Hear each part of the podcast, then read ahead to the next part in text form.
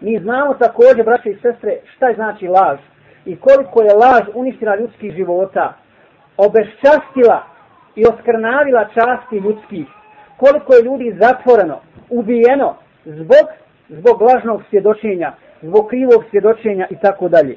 Zbog toga je Allah subhanahu wa ta'ala osudio i zabranio laž, kažu islamski učenjaci koji su brojali, dakle, koji se posvetili malo više ovoj temi, na više od 280 puta, na više od 280 mjesta u Kur'anu, Allah je osuđuje laž. Pa da ne nabrajamo ajete, evo da smo pođu odmah od sure Bekare, ona prva stranica inna levine kefaru, pa kad Allah govori o munaficima, dakle onima koji su samo uh, jezicima svojim izgovorili šehadet, a žele da obmanu Allaha i vjernike, Allah na kraju za njih kaže وَلَهُمْ أَذَابٌ أَلِيمٌ بِمَا كَانُوا يَكْذِبُونَ Njih čeka bolna patnja zbog čega? Zbog toga što su, što su lagali. Kad kezzabu bil haqqi lamma ja'ahum. Kaže Allah za nevjernike da kaže za poricatelje Allahove istine. Oni su porekli porekli istinu nakon što im je došla.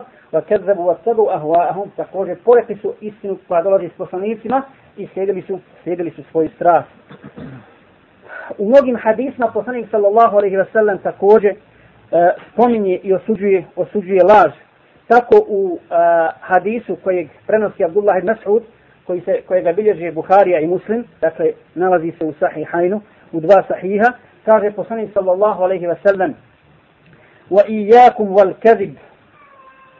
Bojte se ili čuvajte se čuvajte se laži fa innal kadhiba yahdi ila al fujur. Jer laž jer laž vodi u razvrat, odnosno u griješenje, wa innal fujura jehdi ila nar, a, a griješenje vodi, vodi u vatru, wa inna rađule la yakziba wa yataharra al kizba hatta yak hatta yuktaba inda Allahi kazaba. Zaista čovjek ustrajava u, u laži, ustrajava u tom grijehu, sve dok ne bude upisan kod Allaha dželle kao kao lažov. A Imam Ahmed bilježi u svome musnedu hadis u kojem kaže poslanik sallallahu alejhi ve sellem kaburat khiyana zaista je velika izdaja. Šta? An tuhaddisa akhaka hadisen huwa laka musaddiq da govoriš ili da pričaš svome bratu nešto neku priču ili preneseš neku vijest koju on smatra istinitom, dakle i iskrenom jer ti vjeruje, wa anta lahu bihi kadhib. A ti u stvari lažiš.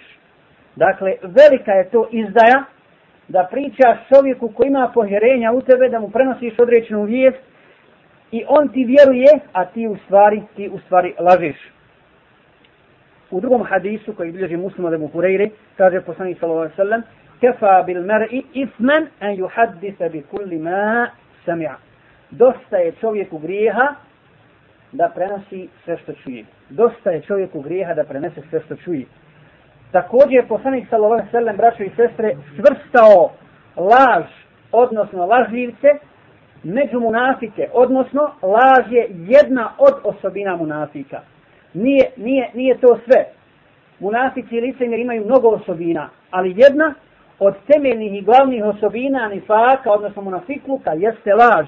Zato kaže poslanik sallam ayatul munafiki salasa. Tri su osobine munafika.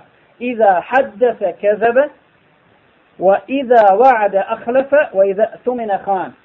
Kada govori laže, kada obeća iznevjeri i kada mu se nešto povjeri to to pronevjeri. A u drugom hadisu, u drugoj predaji kada sam selem, kod koga se na samo ćemo u prijevodu, kod koga se nađe četvero, on je pravi munafik. Dakle, kod koga se nađu četiri osobine, on je pravi munafik. A kod koga se nađe jedna od tih osobina, on ima svojstvo nifaka, odnosno licemjerstva, sve do da se ne oslobodi. Kaže, kad govori laže, kada obeća, ne ispuni obećanje, kada sklopi ugovor, prekrši ga i kada raspravlja s drugima, pretjeruje, odnosno, e, pretjeruje u u svom raspravljanju ili ili griješi dok dok raspravlja makar govorio istinu